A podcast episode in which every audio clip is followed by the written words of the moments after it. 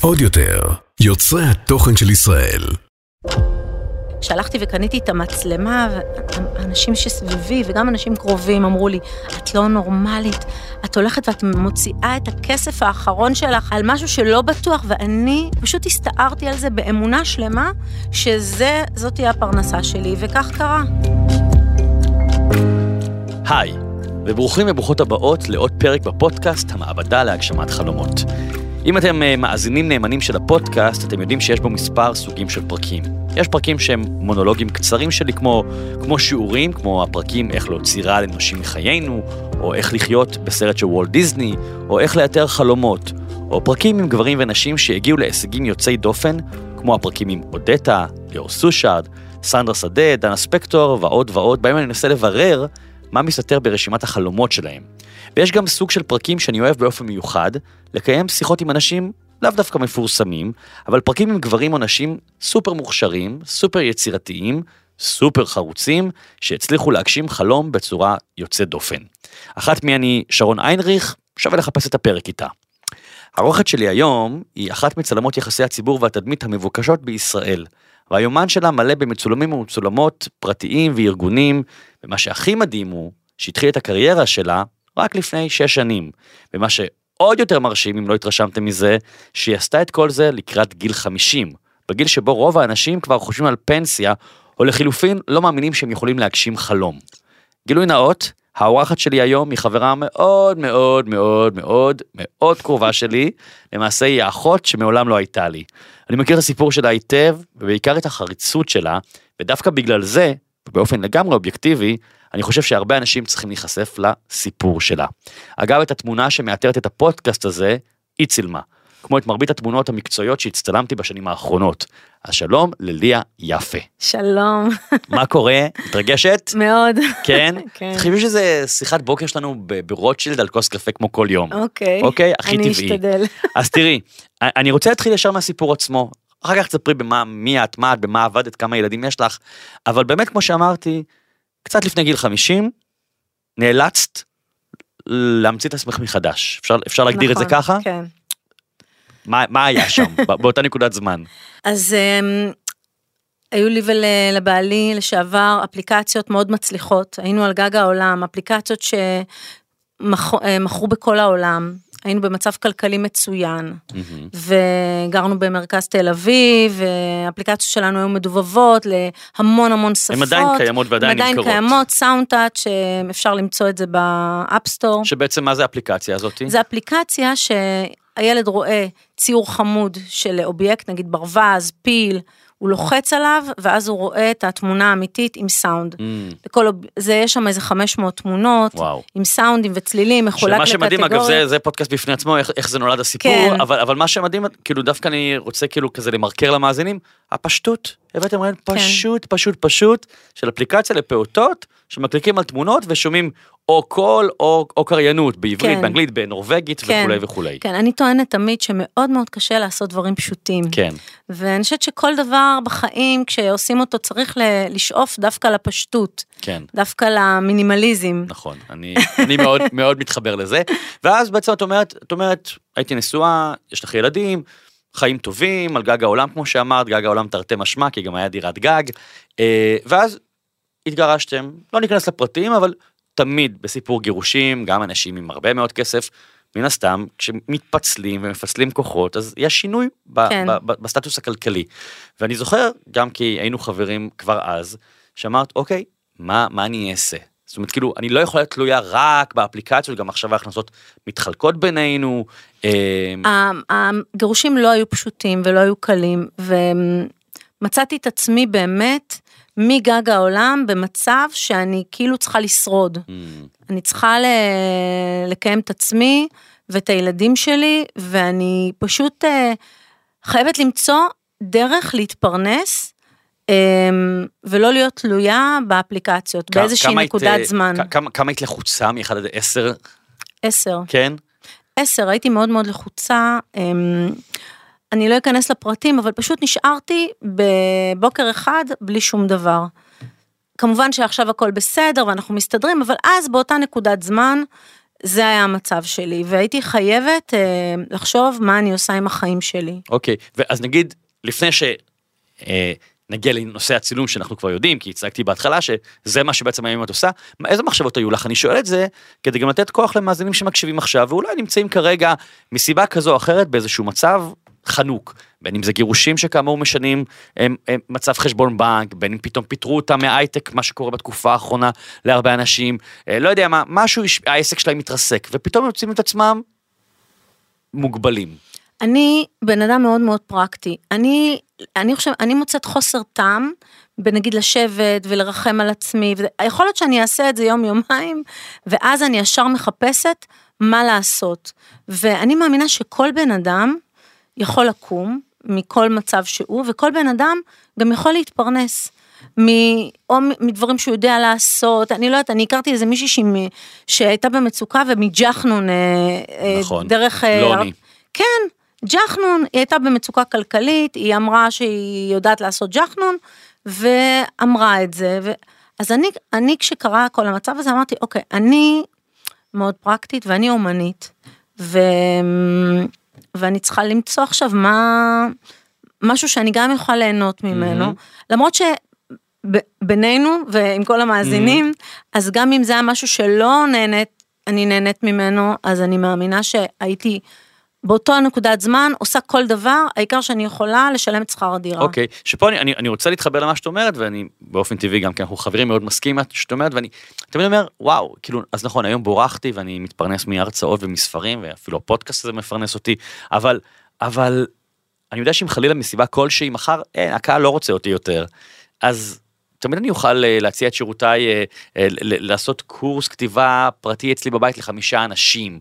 תמיד יהיו חמישה אנשים, אני רוצה להאמין, שיבואו וירצו ללמוד ממני. תמיד אני אוכל להיות מורה בבית ספר, אני אוכל לקפל חולצות, לא שאני כזה טוב בזה, ולסדר לאנשים ארונות בבית, או, או, לעצב לאנשים אלבומי תמונות, כי אני טוב בעיצוב אלבומי תמונות. אני מאמינה שכל בן אדם יכול למצוא את המקום שבו הוא יכול אה, להתפרנס. ואני אגיד לך יותר מזה, אני גם מאמינה שכל בן אדם שצריך עוד הכנסה חודשית בנוסף לעבודה שלו, גם את זה אפשר, כי הרבה פעמים אני שומעת אנשים אומרים, אין, אני צריך את זה ואני צריך את זה ואין לי כסף, ואני, אבל אני אומרת, צריך להיות יצירתי, לש... רגע לחשוב במה אני יכול, מה אני יכול לעשות כדי להגדיל את ההכנסה. יש מישהו שאפילו ייקח אה, כלב לטיול, אתה זוכר את הבחור הזה שראינו בטח, פעם? ש- ששאלתי אותו, את זוכרת? שאלתי אותו ברוטשילד, תגיד, הוא, הוא מוליך כלבים, אמרתי לו, כמה אתה, כמה אתה מרוויח בחודש? בדיוק עבדתי על זה על ספר הרעיון, ו- ו- וסקר אותי כמה הוא מרוויח בחודש. קרן, אני שואל את המפיקה כאן, את יודעת כמה מרוויח דוגי סיטר שמוליך כלבים בחודש? תעשי לי עם הידיים. בחודש. אלף שקל, עשרת אלפים, חמשת אלפים, מה, את עושה? ששת אלפים? אז תקשיבי את ותקשיבו אתם.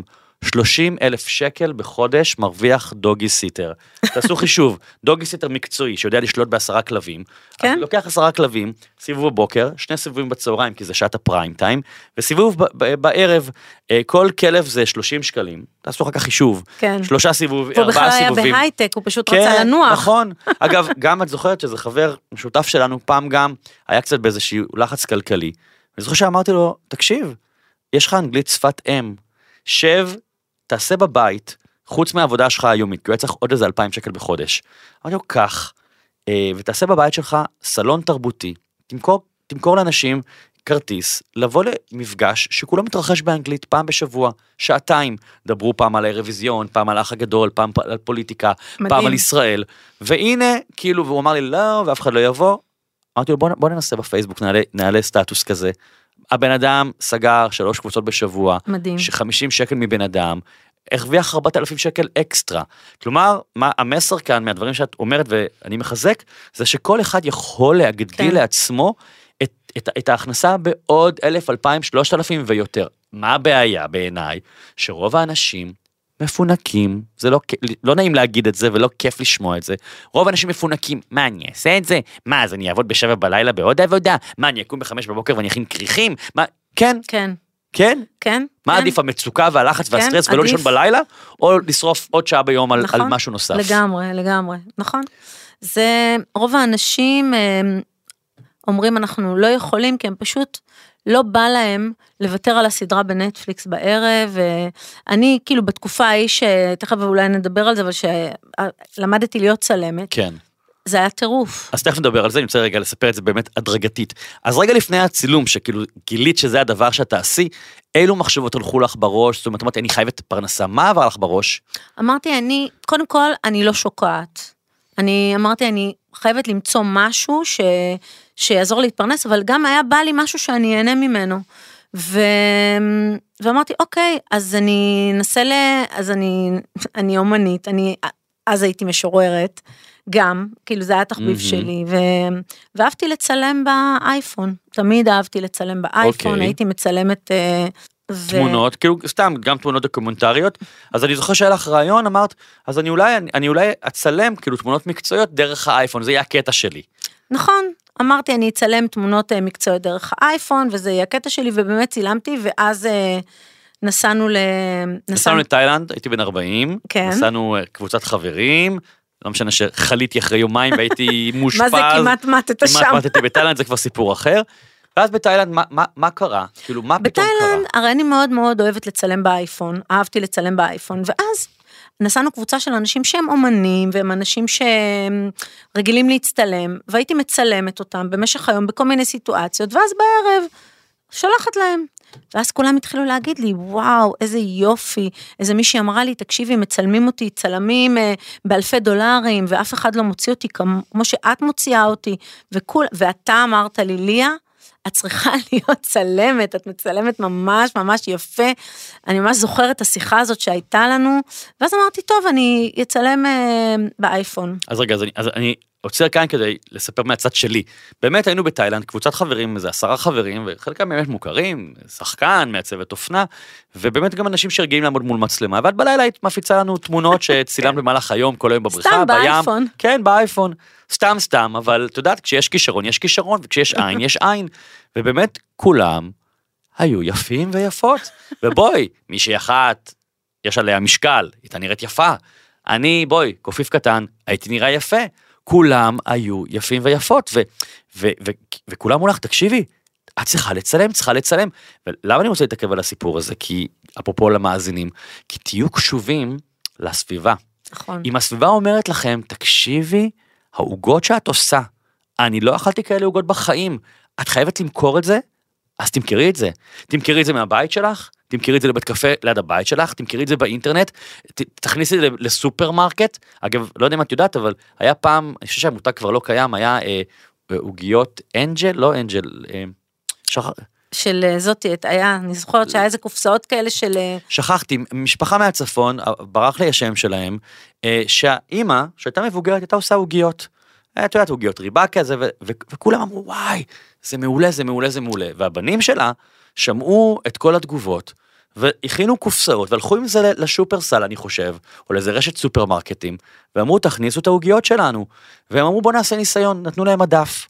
והם נהיו אימפריה, אני, אני, יש לי בלק כרגע, אני לא זוכר את השם כן, של העוגיות, אבל, אבל, אבל עוגיות שכולנו מכירים. אבל אני לגמרי מתחברת לדבר הזה, ואני מאמינה שכל בן אדם, יש לו משהו שהוא יודע לעשות, שלאו דווקא הוא מתפרנס ממנו. כן, ותראי, אני יכול להגיד את זה עליי להגיד נגיד על הכתיבה, אני, לקח לי שנים, אני עדיין קצת בהלם, אבל לקח לי שנים שכאילו להבין שאוקיי, אני יודע לכתוב טיפה יותר טוב מאדם ממוצע. אגב, איך זה קרה? גם מפידבק של חבר. יש לי חבר, רן, שהיינו שכנים אז, והוא ביקש לכתוב מכתב לעירייה, בשבילו. אמרתי לו, טוב, מה הבעיה? כאילו, תכתוב מכתב לעירייה, אני לא יודע, לא מצליח לי. וכאילו, נפנפתי אותו, כי זה היה נראה לי טרחה, ושהוא סתם מתעצל. והוא אמר לי, אתה יכול לכתוב מכתב לעירייה, אתה יכול לכתוב מכתב לעירייה, ואחרי כמה ימים אמרתי לו, מה הסיפור שלך, תכתוב, הוא אומר, אני לא, לא מצליח לחבר את המילים, לא יוצא לי. ואמרתי לו, מה הבעיה? אתה כותב טה-טה-טה-טה, וכתבתי, הוא אמר לי, וואו, איך אתה יודע לכתוב? ואז הבנתי מהפידבק הזה, שאני יודע לכתוב. זה מטורף שמה, שאיזה אימפריה הוצאת מהפידבק הזה של המכתב. כן, כן, אבל, אבל אני אומר אותו דבר לגבייך, או אני אומר שוב למאזינים מאזינות, תקשיבו כן. לפידבקים של אנשים, אם מישהו אומר לך, וואי, אתה צלם מעולה, את בשלנית מצוינת, הוא לא סתם מחניף לך, הוא מתכוון לזה. אוקיי, אז, אז, אז פתאום עשרה אנשים, שנכון, אמנם אוהבים אותך וזה, אבל אומרים לך, תקשיבי, וואו, את צריכה להיות צלמת. ואת מבינה באותו לילה, שכנראה זה אולי המוצא שלך מהברוך כן. הכלכלי. אז את חוזרת לארץ, ו- ומה קורה? אני חוזרת לארץ עוד, אני עדיין מצלמת קצת באייפון, אבל אז פתאום אני מפרסמת תמונות באינסטגרם, ואנשים רוצים לקנות ממני צילומים. וואו. ו, ואז אני באה להגדיל את הצילומים, אבל אז הרזולוציה באייפון Mm. היא על הפנים. והיו עוד כל מיני סימנים שהבנתי שזה, שזה נחמד לצלם באייפון, אבל זה לא מספיק מקצועי ורציני. שאם אני באמת רוצה להיות צלמת, אני צריכה לעשות את זה כמו שצריך. ואז אני, אני מושכת את הכסף האחרון שהיה לי, אני כאילו התאבדתי על זה. כלומר, הייתי במצב מאוד מאוד קשה, היה לי איזה סכום כסף אחרון, שידעתי שזהו, ו... תגידי אותו. זה כאילו- היה לי סכום של 100 אלף שקל, כן. שנשאר לי מכל מה שהיה לי, זה היה הסכום האחרון, האחרון, האחרון. ומה עשית איתו? לקחתי אותו, הוצאתי אותו, והלכתי לארליך. זה חנות של צילום, מהמם. ובאתי אליהם, אמרתי להם, תשמעו, אני הולכת להיות צלמת. אני רוצה את המצלמה הכי טובה, אני רוצה עדשה לאנשים, עדשה לנוף, עדשה לכללית, אה, שני פלאשים, ולא היה לי מושג בכלל מה אני קונה. וקניתי קורס הכרת המצלמה. לא ידעתי כלום, קיבלתי את, ה- היה לי את הקופסה עם המצלמה, אני הוצאתי את המצלמה, לא ידעתי אפילו איפה לוחצים על הכפתור כלומר, כדי לצלם. כלומר אמרת אוקיי, בצילום אני מבינה שיש כאן משהו, א', אני נורא אוהבת את זה, ודבר שני, קיבלתי פידבקים מטורפים מאנשים שמבינים קצת בלהצטלם כן. ובצילום, אז לקחת לא אלף שקל, אלפיים, מאה אלף שקל, כן. האחרונים שהיו כן. לך, כשאת יודעת שאין לך אה, מאגרי כסף נוספים כרגע, וסיכנת את זה. כן, סיכנתי את זה מאיפה כאילו. האומץ? כי, כי את יודעת, אני, אני, אני שואל, כי לפעמים אני אומר לאנשים, אז תקשיב, אה, תדפיס פלייר ב-2,000 שקל, אומרים, 2,000 שקל על פלייר, ואת לקחת 100 אלף שקל. כן, כי אני מאמינה ש...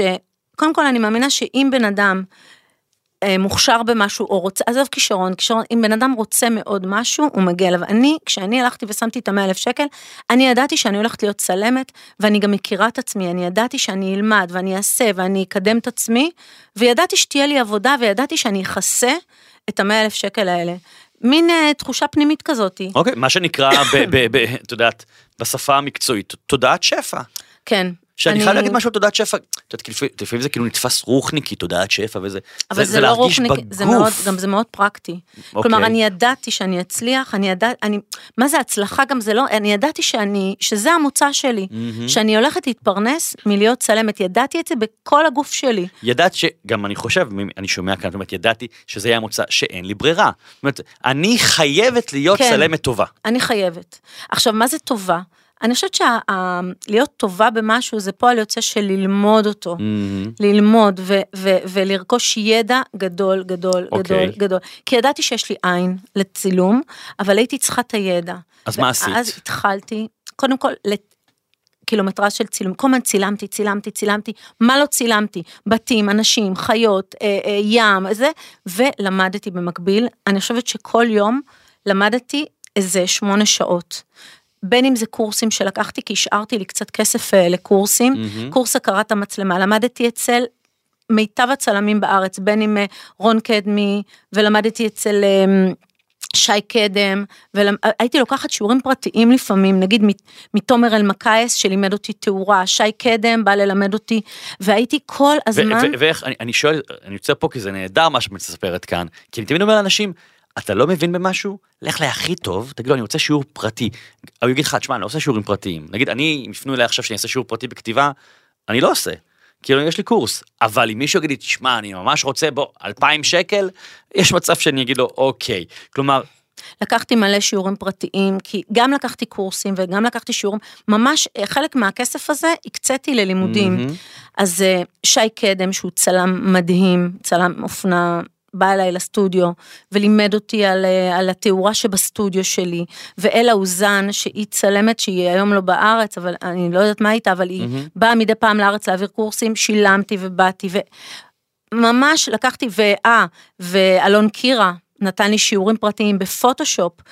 אה, וגם למדתי אצלו, וגם, אה, וגם הכרת אני זוכר גם המצלמה, מלא מלא מלא סוזי קורסים קירה. דיגיטליים. עכשיו, לא רק זה, שהיום אפשר ללמוד המון דרך האינטרנט, ופשוט נכנסתי ל-Creative Life, ופשוט כל הזמן למדתי שם מהצלמים הכי טובים בעולם. למדתי פוטושופ, למדתי גם דברים שלא יודעים אפילו בארץ, מהמם. למ- והכל התנסיתי, וכל הזמן המשכתי לצלם. בהתחלה הייתי מצלמת במחיר מאוד מאוד מוזל, לפעמים בחינם, כי רציתי uh, להתנסות, ואמרתי, כל יום אני צריכה לצלם. כל יום צילמתי, כל יום צילמתי ולמדתי, צילמתי ולפעמים עד שתיים, והילדים שלי, כאילו, אני זוכרת שהם היו רואים אותי יורקת דם בפוטושופ. לא ידעתי, לא הכרתי את התוכנה הזאתי, ואמרתי, אין, צלם חייב לדעת פוטושופ. ובואי, גם בואכה 50 כבר, המוח לא מה שהיה נכון, בגיל 20, זאת אומרת, זה יותר נכון, קשה. נכון, הייתי כותבת וכותבת ועוד פעם ועוד פעם ועוד תמונה לערוך ועוד תמונה לערוך, וככה, אמ, ואז התחילו לבוא אליי אנשים, התחילו לשמוע עליי. אז רגע, שנייה, אני רוצה רגע לסמן מתוך דברים שאמרת, כי אמרת פה כמה דברים חשובים. אחד, את אומרת, פשוט הלכתי ולמדתי גם קורסים. כאילו בטירוף אה, אבל. כן, גם קורסים, אה, זאת אומרת, שגדולים, גם קורסים קצרים, גם שיעורים פרטיים, גם אה, קורסי וידאו, גם פשוט יוטיוב. ידעתי שאין לי הרבה זמן, אני מהמם. ידעתי שאני צריכה לעשות בגלל- הכל בגלל מהר. הגיל או בגלל היעדר הכסף? גם, גם בגלל היעדר הכסף וגם בגלל הגיל, וגם כי אני בן אדם שהאמת, אני אוהבת, אני, אין לי סבלנות. מהמם. אני רוצה לדעת הכל עכשיו. אוקיי. אז אני למדתי ולמדתי בטירוף. אז אחד, מה שאני קורא לדבר, לפעולה הזאת, להסתער, הסתערת נכון, על הדבר הזה, ממש ברמת אבל. הלימודים. ודבר שני שאמרת, שאני מאוד מתחבר אליו, והרבה אנשים נרתעים ממנו, ודווקא אני רוצה להתעכב על זה, אמרת, אני צילמתי כל יום, כל היום, גם בחינם. נכון. כלומר, בשביל לצבור רזומה, בשביל אה, שיראו תמונות שלי, כדי לא שיהיו לי רק זה, שגרירים. גם ניסיון. אני אה, רציתי ניסיון ואני מאמינה, וגם בכל עסק שעשיתי, אני מאמינה בשגרירים. מהמם. ואני ידעתי שאם אני מצלמת בן אדם, והוא הולך ומספר שצילמתי אותו ויצאו תמונות טובות והוא נורא נהנה גם מהסשן אה, צילומים, אז uh, הוא יביא לי עוד אנשים. אז מה את אומרת לאנשים, כי זו גישה נורא רווחת, שאומרים, אני לא אעשה בחינם, כי אז זה יתקבע בתודעה שאני עושה חינם, ואני זול, ואני לא שווה, ולא יבואו. אני אז הייתי בעצם בתחילת הדרך, הייתי כמו תינוק. לא משנה שהיה לי עסק מפואר לפני כן, היו לי אפליקציות ועשיתי הרבה דברים בחיים, אבל בעסק של הצילום, אני ממש התחלתי את צעדיי הראשונים. וכן, ופניתי לאנשים, חלק מהם אה, פניתי למשפיעני רשת, פניתי ל... וגם לסתם אנשים, כאילו רציתי להתנסות בצילום, ומי יבוא אליי? הרי לא מכירים אותי. אז פשוט הזמנתי אנשים להצטלם בחינם בהתחלה, מהמם. אבל אז ראיתי שמגיעים עוד אנשים, ואז ב- במחיר מוזל, כאילו, כן. כי רציתי להתנסות. כלומר, רציתי- שוב, בהדרגתיות, לא אמרת אני. עכשיו, אה, אני, בשביל שיבוא אני אתקע סכום אה, לא, גבוה, לא, רק אני- שיבואו, רק שיבואו. ש... לצבור ניסיון, נכון, שיבואו, ניסיון לייצר שגרירים. ותמונות ותיק עבודות. כי רציתי שיהיה לי תיק עבודות, שאני כן. אוכל להראות... אה, אחר כך כבר ידעתי מה החוזקות שלי בצילום, ולאט לאט גם ידעתי, כי בהתחלה הייתי מצלמת הכל. לא ידעתי עדיין במה אני באמת מתמקדת. כן. ולאט לאט, בתוך הזמן שעבר, ידעתי, מה שקרה אז, הייתי סוחרת סטודיואים. דרך אגב, לפעמים הייתי מצלמת מישהו בחינם וסוחרת סטודיו, כדי לצ... הייתי משלמת כדי לצלם אותו. וואו. כן, הייתי סוחרת סטודיו. לא רק שלא הרווחת, גם כאילו במרכאות הפסדת. הפסדתי, אבל זה לא, זה רווח. כי כשאתה עושה דברים כאלה, אתה יוצר לעצמך שגרירים. כי ידעתי שאני, כבר אז ידעתי אני שאני צלמת טובה, אפילו שזה היה נורא מעט. אני תוך חודשיים למדתי כל כך הרבה, ידעתי כבר שאני מצליחה לצלם, כן. ואני... אני, אני מאוד מתחבר, את יודעת, אני, אני זוכר שכשהתחלתי להרצות על הרשימה לפני כבר 13 שנה, אז באיזשהו שלב הוזמנתי לארצות הברית. בהתחלה זה היה הרצאה להרצאות לישראלים, לקהילות ישראליות, והציעו לי סכום, אני כבר לא זוכר, אבל סכום מאוד נמוך פר הרצאה. אה, שאני באמת לא זוכר אותו, אבל, אבל בחישוב הכללי, אמרתי, רגע, אני נוסע עכשיו לשבועיים, אז קודם כל אני לא ארוויח בארץ, שם אני ארוויח לא הרבה, גם לא נתנו לי כרטיסי טיסה, אה, והציעו לי בתי מלון באמת עלובים, באמת ישנתי פעם, אפילו פעם שכרו לי חדר בבית של משפחה סינית, כאילו לא ידעתי אם הייתי יודע, לא הייתי מסכים, אבל לא משנה, וכבר הייתי גם בן איזה 37, כן. 8, כאילו אתה כבר לא עכשיו מתקלב, אבל אמרתי לעצמי כל הזמן, אתה... אתה יוצא לעולם, אתה מתנסה בחוויה, נכון. אתה מכיר עוד אנשים, אולי בקהל יהיה איזה ישראלי עשיר שגר בניו יורק או בפילדלפיה ויזמין אותך לארגון שלו באנגלית. ובכלל מה זה שאגב כולם קרה. שגרירים. נכון. כולם שהופכים להיות שגרירים שלך. ואני רוצה דווקא באמצעות הסיפור שלך ומה שאת אומרת כאן, לגרום לאנשים להפסיק עם הקטע הזה של "אה, אני לא עושה בחינם. מה זאת אומרת? אני, גם היום במעמדי, במרכאות מעמדי, גם היום, אם, לפעמים יש לי אינטרס לעשות הרצאה, אם עכשיו יתקשרו אליי מבית הנשיא, ויגידו לי בוא אנחנו רוצים שתהיה ביום המשהו הבינלאומי, תעשה הרצאה בבית הנשיא, כן. אני בכלל לא אבקש כסף. זה fucking להיות בבית נכון. הנשיא. זה, זה, זה משרת גם אותי. ואנשים לא מבינים את זה, אנשים לפעמים בעיניי נורא קטנוניים, אני נכון. לא עושה בחינם, זה לא משתלם לי, כן משתלם לי. זה משתלם, מאוד. כן. כן, אני גם, אה, כאילו כל, אה, מאז כאילו שאני, מתחילת דרכי ועד היום, פעם בחודש אני מצלמת מישהו בחינם. Mm. פעם בחודש אני מצלמת מישהו. מעשר. מעשר, שזקוק לזה, שצריך את זה. אני פעם בחודש עושה את זה, כי אני מאמינה גם בלתת, כן. גם לתת, וגם כל בן אדם שאני מצלמת הוא שגריר.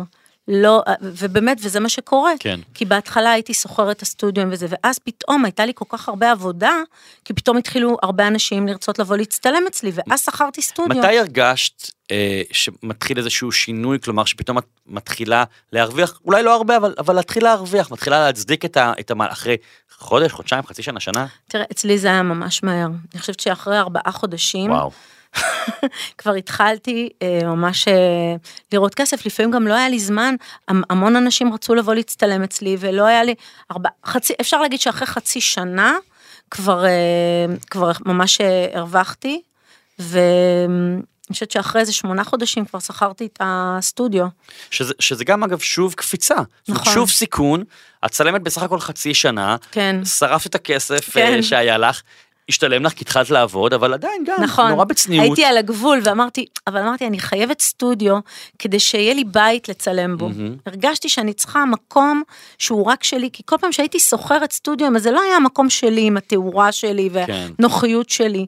ו- והאמת שזה ממש הצדיק את עצמו, כי כששכרתי את הסטודיו, העבודה שלי שילשה את עצמה. וואו. זה היה מטורף כאילו, כי גם אנשים דיברו על הסטודיו שלי וכמה נעים בו, ואני זוכרת גם שהסטודיו שלי היה בפלורנטין בלווינסקי, ואמרתי, אוקיי, אני צריכה לעשות משהו שצלמים אחרים לא עושים. והייתי פותחת, אתה זוכר, פותחת איזה ארוחת בוקר נכון. קלה לכל בן אדם שהגיע אליי להצטלם, וזה היה כאילו משהו כזה, קודם עושים שיחה.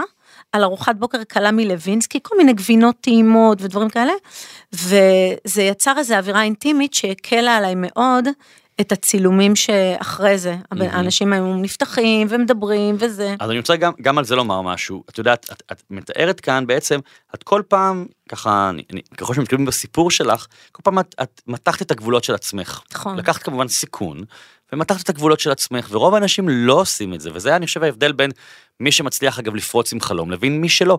הלא לפחד למתוח טיפה את הגבול של עצמך, לקחת סיכון, כי, כי בעצם אמרת, לקחתי סטודיו שעלה לי מן הסתם אלפי שקלים בחודש, כן. עוד לא ידעתי אם אני אצליח לא רק לכסות אותו, אלא גם לה- להישאר עם עודף, ויכול להיות שאולי בהתחלה אולי באמת זה היה מה שנקרא break even, כן. אבל את אומרת מהר מאוד, בעצם הסטודיו יצר זה שאנשים רצו לבוא אליו כי היה location.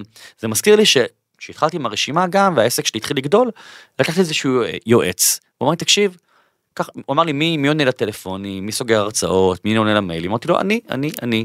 אמר לי, אז תיקח עוזרת אישית, כאילו, אתה צריך להרצות, אתה צריך לכתוב ספר, אתה לא צריך לענות לטלפונים ולסגור הרצאות, אתה לא איש שיווק ואתה לא, ואתה לא מזכירה. ואמרתי לו, כן, אבל עדיין אין לי את היכולת לקחת מישהי במשכורת 7,000 שקל. הוא אומר לי, לא, לא, לא צריך 7,000, קח מישהי ב-2,000 לכמה שעות ב- בשבוע. אמרתי לו, כן, אבל אין לי היקף עבודה עדיין מספיק גדול, כאילו, מה אני אתן? אבל לה?" זה יוצר היקף עבודה. בדיוק אמרתי לו, מה אני אתן לה, מה אני אתן לה לעשות, לסגור לי מסעדה ב, ב, עם חברים בערב? הוא אומר לי, כן. מה, מה לה, טסט באוטו? כן.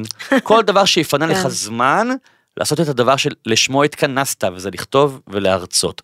אז לקחתי מישהי ב-4,000 שקלים, באמת חצי משרה, ובאמת עוד אפילו לא היה לה מספיק עבודה, אבל פתאום, גם היא הייתה יותר טובה ממני בשיווק וכל מיני דברים, התפנה לך זמן. ופתאום התפנה לי זמן לכתוב עוד ספר ועוד ספר ולפתח עוד הרצאה ולשפר את העסק כן. שלי. ופתאום כאילו לא רק שהיא היא- היא הצדיקה את השכר שלה גם גם הגדלתי את ה... פתאום למשרה מלאה. ובעצם זה זה מה שאת זה אומרת. אותו דבר. כן. כן, הסטודיו פשוט עשה לי שינוי מאוד גדול ב... בעסק שלי. מהמם. שהיה לי את המקום שלי, היה לי, וגם סטודיו, זה כאילו, זה מנותק מהבית, אני גם לא, גם הזמן הזה, לשכור סטודיו, לחפש סטודיו עם זה, ההגבלות, וגם סטודיו עלו לי כסף, אבל לא כמו השכר דירה, אבל כן. זה עדיין הגדיל לי מאוד מאוד את, ה, את ההכנסות. אז שלי. בעצם שש שנים עברו מאז, מאז כן. ההחלטה היא מאז אותה נסיעה בתאילנד. אה, היום את באמת אני אומר את זה בצורה אובייקטיבית, אחת הצלמות המבוקשות ביחסי ציבור. אה, תדמית ויחסי ותדמית של ציבור. גם הופעות את מצלמת. כן, הופעות ו- מוזיקה. וגם לארגונים, נכון, לאתרים שלהם, כזה עורכי כן, דין, אדריכלים, כן, וגם כן. גם, גם שחקנים, שחקנים, מפורסמים, ויח- ואומנים, נכון, נכון. וגם סתם אנשים שאגב רוצים תמונה טובה נכון, לטינדר או משהו נכון, בסגנון. נכון, אה, כן, לאתרי היכרויות, השת... בקורונה הייתי בהלם כמה גברים באו אליי לצילום לאתר היכרויות, זה היה, אפילו עשיתי איזה פעם שידוך. כן. בין מישהי שבאה לאתר היכרויות למישהו שבא להצטלם לאתר היכרויות. אז בעצם שש שנים אחרי, זאת העבודה שלך. זאת העבודה שלי ואני מתפרנסת ממנה ו... ואני עכשיו עושה גם הדרכות, אני עושה הדרכות בפוטושופ, אני עושה הדרכות בצילום. בקרוב את משיקה סדנה, נכון. לצלמים מתחילים שרוצים נכון. להפוך את זה לעסק. נכון, נכון, נכון, כי יש לי המון המון טיפים והמון, אה, גם המון קילומטרז שצברתי, וכן, אז, אז, אז ככה לסיכום החלק הזה, כי תכף אנחנו ניגע רגע בחלומות שלך גם, אם עכשיו מישהו, מישהי מאזינים, ש... או, באמת נמצאים באיזה תקופת אה, לחץ מצוקתי כזה או אחר, צריכים להמציא את עצמם מחדש, אה, יכול להיות שבני 60 אומרים זה מאוחר מדי, מה את זה רוצה קודם לומר כל להם? זה אף פעם לא מאוחר מדי. כלומר, אני כאילו בת, אה, היום בת אה, 55 תכף, והתחלתי את הקריירת צילום שלי בגיל, אני יכולה להגיד שדודה שלי בגיל 60 התחילה ללמוד להיות קבלן בניין, שלום נוגה, Mm, וב, ובגיל אה, 65 התחילה לבנות אה, בתים, שזה מטורף. לגמרי. אז אף פעם לא מאוחר להתחיל, וצריך להסתער, ולא לפחד. ואני זוכרת שכשהתחלתי את ה... כשהלכתי וקניתי את המצלמה, האנשים שסביבי, וגם אנשים קרובים, אמרו לי, את לא נורמלית, את הולכת ואת מוציאה את הכסף האחרון שלך על, על משהו שלא בטוח, ואני... הי- הייתה לי אמונה מוחלטת, פשוט אטמתי את עצמי מכל הקולות והלכתי קדימה, לא הסתכלתי ימינה ולא הסתכלתי שמאלה. היום אני מסתכלת אחורה, אני אומרת, וואו, כאילו, איזה, זה היה באמת אה, טירוף, ההסתערות הזאת, וה, ושעות מטורפות, ובלילה הייתי לומדת, ו, ופשוט הסתערתי על זה באמונה שלמה, שזה, זאת תהיה הפרנסה שלי, וכך קרה. מדהים. אז, אז אני, אני רוצה לס- לסכם את החלק הזה של השיחה, אה, לטובת מי שהאזין או האזין חלקית, ולהדגיש את הדברים החשובים. בעצם, דבר ראשון זה לזהות אלה, א- איזה יכולות יש לי, כן. ולהקשיב לסביבה, שלפעמים מסמנת לך את היכולות. אני יכול להגיד אגב, שאני, מי שדחף אותי לקריירת המשחק שלי, הייתה אימא שלי. עכשיו, לא במובן של ההורים האלה שלוקחים את הילדים להיות דוגמנים ושחקנים, אלא היא זיהתה בי משהו שאני לא זיהיתי. כן. את היכולות שלי, והיא ממש לחצה עליי שאני נולד משחק, כאילו, כשאמרתי, עזבי, לא בטוח, ו... אז, אז, אז כאילו להיות קשוב לסביבה, כן. זה דבר אחד. דבר שני, זה לא לפחד להסתכן, כאילו להוציא את הכסף ו- ולהסתער וללמוד, ואת עדיין, אגב, נכון, את עדיין לומדת. אני, אני מאמינה שהלימודים לא נגמרים אף פעם. אני כל יום מקדישה זמן. גם עכשיו, ללימוד. גם היום, כשאת שש שנים אתה אחרי יודע מה, ומלאה אני לפני- ביומן? אני לפני אה, חצי שנה סיימתי קורס במנטור, פוטושופ מתקדמים. Mm. כאילו, פוטושופ מתקדמים מאוד. אני כל הזמן לומדת, אני כל הזמן אה, באינטרנט, אני מחפשת אה, טיפים לצלמים, מאני לייבוביץ' ועד, יש איזה צלם סיני אחד שאני לומדת ממנו מלא. באינסטגרם, היום גם הכל כל כך נגיש וכל כן. כך, אז אני אומרת לך שאפשר היום ללמוד הכל. כל מה שרוצים אפשר ללמוד דרך האינטרנט, אפילו ביוטיוב, גם אני קונה המון קורסים, אבל אפשר ביוטיוב. לפעמים יש לי איזו שאלה, אני שואלת ביוטיוב ומקבלת כן. תשובה בשנייה. טוב, זה מסר חשוב מאוד. אני, לפני שניפרד, אני, כמובן, כל מי שמגיע לכאן, אה, אני מתעניין בחלומות שלו, אז ביקשתי ממך לשלוח לי את רשימת החלומות, אז לא, לא ניגע בהכל, אבל ככה נעבור על זה במהירות. אז אחד זה לנסוע לתאילנד לחודש עם הבן שלי. כן, שהאמת שאני כבר, אני, פשוט זה משהו שאני רוצה לעשות אותו הרבה זמן, וגם חודש זה כאילו חודש שאני לא מצלמת בו גם. כן. אבל החלטתי שבקיץ הבא, אני פשוט עושה את זה, אני מעכשיו כבר מתארגנת, כי למדתי ממך שצריך מראש נכון. להזמין את החופשות, וזה מה כי זה שאני מוזיל עלויות ב-60 אחוז. נכון, נכון. אז אני מעכשיו אני כבר מארגנת לעצמי את הנסיעה לתאילנד, ב, לא בקיץ הזה, בקיץ הבא. אוקיי. כתבת לשבת לכתוב את הרומן כרמי ציונה. נכון, יש לי רומן שבראש שלי כבר הרבה שנים, ואני לא מצליחה להביא את עצמי לשבת ולכתוב אותו, ואני פשוט, זה אחד, מה, אחד מהדברים שאני חושבת שאני אעשה אותם השנה. מהמם. שאני צריכה פשוט למצוא לעצמי זמן, לא פעם בשבוע, פעם בחודש, אלא כל יום, לכתוב קצת כדי או להוציא את לחילופין ליישם את הטיפ שלי, שעובד אצלי, וזה לנסוע לחופשת התנתקות של שבוע, אפילו בקפריסין, יעד קרוב וזול, כי נורא קשה לכתוב. נכון, כשאנחנו בתוך החיים המצפצפים והרועשים, והילדים, נכון. והכלבים והחתולים, וכל. נכון. ההפרעות שיש. מתי אנחנו נוסעים? לא יודע, נדבר- על זה אחר כך. כתבת לצלם אה, תדמית את אה, בנימין נתניהו, יאיר לפיד, בני גנץ וגל גדות. אה, למה אגב את ארבעת האנשים האלה? כי קודם כל, בנימין, אני, אני מאוד רוצה לצלם אנשים ש... אני מצלמת המון אנשים משפיעים ומנכ"לים של חברות גדולות וגם פוליטיקאים. אבל הם, יש בהם משהו שהם הם, הם, הם מנהיגים באמת גדולים של מחנות מאוד Mm. גדולים.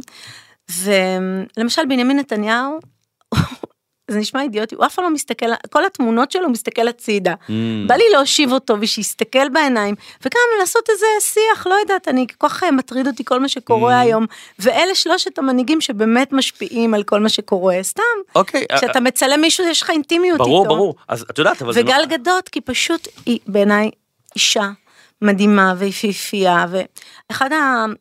אחד היכולות שלי בתור צלמת, וכל בן אדם צריך למצוא מה החוזקות שלו, אני מוצאת את היופי של כל בן אדם ויודעת להוציא אותו החוצה. ובא לי להוציא משהו אחר מגל גדות. אוקיי, אני, אני חושב שאגב, אה, מה שאני הייתי עושה לגבי נתניהו, לפיד וגנץ, הייתי פונה לעוזרים הפרלמנטריים שלהם, זה לא בעיה לאתר אותם, אה, ו- ואומר, אני רוצה להוציא צבע אחר מהאנשים האלה, ללא עלות, כן. אני אגיע לאן שתגידו לי, עם הציוד שלי, ותגנזו את זה בסוף תרצו וזה, אבל להציע דווקא באמת בימים המורכבים האלה, כן, נורא בא לי כאילו לעשות את ה... לגבי גל גדות, אז כמו שאת יודעת, גל היא שכנה שלי, אה, בבית שליד, אז כשהיא מגיעה הביתה, אנחנו רואים, פוגשים אותה בסיבובי אז כלבים. תגיד לה ש... לא, אני לא אגיד לה, את פשוט, בפעם הבאה שאני אגיד לך שהיא נמצאת, אני אבוא איתך לסיבוב כלבים. מכתב בתיבה, ותכתבי אוקיי. לה כמה מילים, אוקיי. כאילו תנסחי משהו רגשי כן. יפה, ותשימי לה בתיבה, ואו שהיא תגיב, או שלא, זה כן. כבר- זה כבר יהיה עניין שלה. אה, כתבת, לפתוח סדנת צילום לאנשים שמתחילים עסק צילום. כן, כי אני חושבת שיש לי הרבה מה לתת לאנשים שמתחילים, יש לי המון המון טיפים, לא רק אה, בפוזיציה, קומפוזיציה, תאורה, אלא באמת איך להקים כזה דבר, ואיך להשיג לקוחות, ואיך אה, בכלל, איך לקבל את הלקוח שבא אליך, יש לי המון המון טיפים וזה, ואני הולכת אה, לעשות את זה, אני, אני כותבת את הסדנה הזאת מהמם. עכשיו, ואני משערת שתוך אה, כמה חודשים היא באמת אה, תעלה לאוויר. מעולה. ודבר אחרון, כתבת אפרופו צילום, להקדיש יותר זמן בשבוע לצילום שהוא לא עבור פרנסה, אלא רק הכיף שלי, מה הכוונה?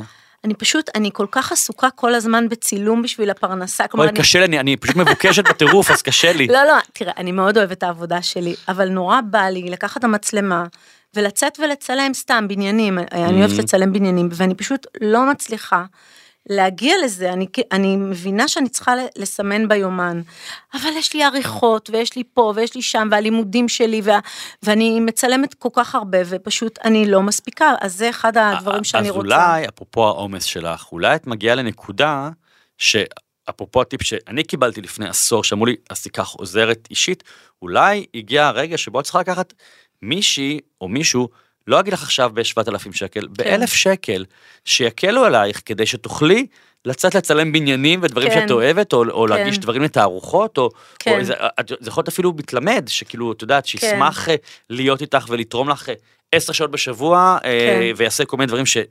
טכניים שבירוקרטיה שקשורים לעסק שלך. אה, אה, כן, האמת שהתאומים והזה, זה לוקח לי הרבה הרבה הרבה זמן. אני חושב שאת קרובה. לרגע הזה, כן, כן, כן, כן. אה, אני אני רוצה כן. להגיד לך תודה שבאת. תודה אה, לך. למרות שאני פוגש אותך כנראה עוד- יום. עוד שעה, עוד שעתיים או כן. מחר, אבל שבאת לספר את הסיפור שלך, אני באמת חושב אה, שהוא באמת, אה, הוא נותן כוח ותקווה להרבה אנשים, ואני חושב שחשוב לי כאן בפודקאסט להביא סיפורים כאלה, על אנשים שפתאום באמצע החיים נקלעו לאיזושהי סיטואציה ונאלצו להמציא את עצמם מחדש. אני אומרת שתמיד יש תקווה, ותמיד אפשר לעשות משהו, ותמיד אפשר להתפרנס, ופשוט צריך לא להתייאש, להסתער וללמוד, וזהו. מעולה, תודה. ליה יפה, מי שרוצה אגב אה, להגיע לצילומים או לסדנאות, איך הוא יכול לאתר אותך? אמ, שבפייסבוק ליה יפה עם שני אפים. ובאינסטגרם, מה להגיד טלפון? אה, לא, אינסטגרם לא, ופייסבוק זה דרך אה. מעולה להגיע כן. אלייך. אה, אני רוצה להגיד לך תודה, אני רוצה לנצל את זה, אפרופו סדנאות, לספר שגם אני השקתי לאחרונה סדנה חדשה. מדהימה. היא נקראת הרצאת חייך. זו סדנה שמיועדת לאנשים שרוצים ליצור הרצאה, אחרי שאני עושה את זה כבר למעלה מעשור, ואלף הרצאות, ו, ומייעץ לאנשים באופן פרטני, החלטתי לייצר סדנה ל-12 אנשים, שישה מפגשים, שבהם אני מלמד בעצם איך בונים הרצאה, סיפור עם התחלה, אמצע וסוף, גם איך משווקים את זה, איך יוצרים קהל. אם זה מעניין אתכם, חפשו פרטים באתר שלי, הרצאת חייך. אם אהבתם את הפרק הזה, הפיצו אותו, דרגו אותו, לא לשכוח להאזין בספוטיפיי, אפל, גוגל, יוטיוב ועוד. תודה. עוד יותר, יוצרי התוכן של ישראל. הוקלט באולפני אדיו, המשווקת את ספוטיפיי בישראל.